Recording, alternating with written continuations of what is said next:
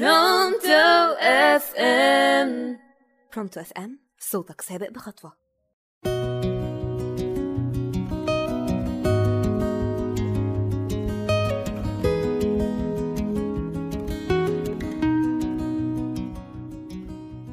مساء الخير عليكم وأنا دينا كمال في برنامج الشاحن فصل معاكم على راديو Pronto FM النهاردة هنتكلم على ظاهرة جديدة جدا موجودة عندنا ومنتشرة قوي. trick or treat happy Halloween هنتكلم النهاردة عن الهالوين. الهالوين هو عيد الرعب أو عيد الهلع. اليوم ده دايما بيكون يوم 31 أكتوبر من كل سنة. وبالرغم من إن اليوم ده أسطورة إلا إن في قصص لأحداث كتير قوي مرعبة حصلت في ليلة عيد الهالوين. الرمز الأساسي للهالوين هو قرع العسل. دايما بيجيبوه ويفضوه ويحفروا عليه أشكال شكلها مرعب جدا. يعني مثلا ممكن يكون شكل وش مرعب قوي. عادة الناس في الاحتفال باليوم ده إن لازم يكون في ديكورات أو لبس مخيف. إيه بقى موضوع ال trick or treat ده؟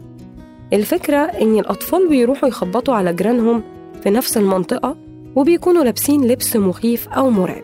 كعادة اللبس في اليوم ده يعني. بيخبطوا على البيوت ويطلبوا الشوكولاتة بالطريقة دي عشان تبان طريقة مرعبة.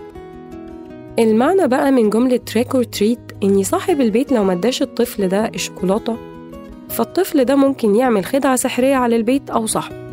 والجملة دي بتتقال عشان يرعبوا الشخص ده سواء من الجملة نفسها أو من اللبس اللي لابسينه طبعا.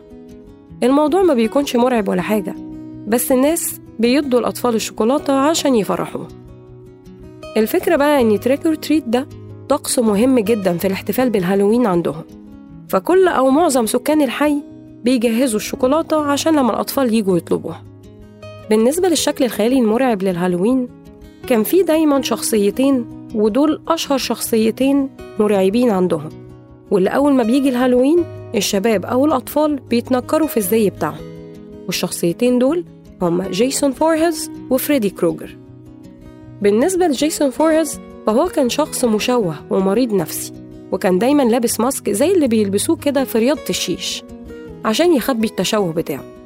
الأسطورة اللي اتكلمت على جيسون ده قالت إنه كان كل هالوين بيمشي بساطور ويطارد ويقتل أي حد يلاقيه وغالبا الضحايا بتوعه كانوا بيكونوا بنات مراهقات. أما بالنسبة لفريدي كروجر فده كان بيطارد الأطفال ويقتلهم برضه. كان شخص مشوه وكان بيهاجم الأحلام وبيستخدم جوانتي فيه مواس كده عشان يقتل ضحاياه في أحلامهم واللي المفروض كان بيخليهم يموتوا في الحقيقة. ده كان الوضع اللي متصور في الأفلام. نيجي بقى للوضع الواقعي. بما إن الهالوين زي ما قلنا قبل كده بيعتمد على الطابع المرعب ففي أشخاص استغلت انشغال الناس في الاحتفال باليوم ده عشان يعملوا أبشع جرايم ممكن تتعمل.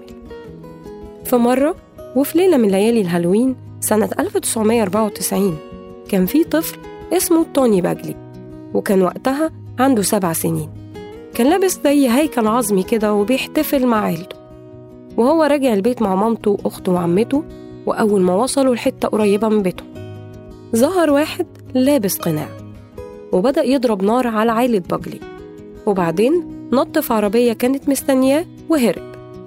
بالرغم من الرصاص اللي اتضرب عليهم أمه وأخته وعمته كان حظهم حلو ونجيوا من الموت. لكن بالنسبة لتوني فللأسف مات. لأنه كان خلال ضرب الرصاص أخد طلقة في راسه ومات فورا. والبوليس لحد دلوقتي معرفش مين هو الشخص ده ولا إيه سبب اللي عمله ده. في كمان حادثة حصلت في 1973 كانت ليزا فرنش واللي وقتها كان عندها تسع سنين. كانت بتحتفل بالهالوين وزي ما قلنا قبل كده الأطفال بيحتفلوا بالهالوين بإنهم يخبطوا على بيوت الجيران عشان ياخدوا شوكولاتة. راحت ليزا رنت الجرس في بيت واحد كان اسمه جيرالد اللي دخلها البيت على أساس هيديها الشوكولاتة دي. بس للأسف اعتدى عليها وخنقها لحد ما ماتت.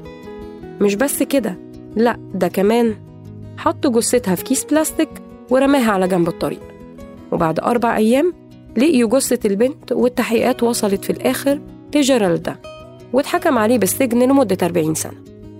في حادثة كمان حصلت في 1979 في لوس أنجلوس. حصلت حادثة مختلفة في يوم 31 أكتوبر اللي هي ليلة الهالوين. اللي حصل إن في بنت اسمها شيرلي ليتفورد واللي سنها وقتها كان 16 سنة. شيرلي خرجت تحتفل مع صحابها بالهالوين وهي راجعة بيتها قابلتها عربية فيها شابين واللي كان اسمهم لورنس ونورس. الشابين دول أساسا كانوا كل هالوين بيخطفوا بنت ويقتلوها. شيرلي دي كانت البنت رقم خمسة. لورنس ونورس سموا نفسهم قتلة الأدوات. وسموا نفسهم كده لأنهم كانوا بيعذبوا الضحايا ويقتلوهم باستخدام الأدوات المنزلية. في يوم 31 أكتوبر 1979 عرضوا على شيرلي إنهم يوصلوها وهي وافقت على أساس هتروح بيتها. لكن شيرلي ما وصلتش البيت أبدا. لأنهم خطفوها واعتدوا عليها وقتلوها. قتلوها إزاي بقى؟ ضربوها على راسها بالشاكوش لحد ما ماتت. اتقبض عليهم إزاي؟ تقريبا نورس الجلالة أخدته وهو سكران وقاعد مع واحد صاحبهم تالت. ما يعرفش حاجة عن اللي هما الاتنين بيعملوه. نورس وقع بلسانه وكان فخور قوي بالجرايم دي قدام الصديق التالت ده واللي أول ما عرف بلغ عنهم. والبوليس قبض عليهم وتم الحكم عليهم بالإعدام. ومن هنا نكتشف إن معظم الناس دي عندهم مشاكل نفسية بقى أو اجتماعية مش هتفرق. الفكرة كلها إنهم حولوا يوم الناس بيحاولوا يتبسطوا فيه ويبسطوا الأطفال يوم ناس كتير بقت بتخاف منه.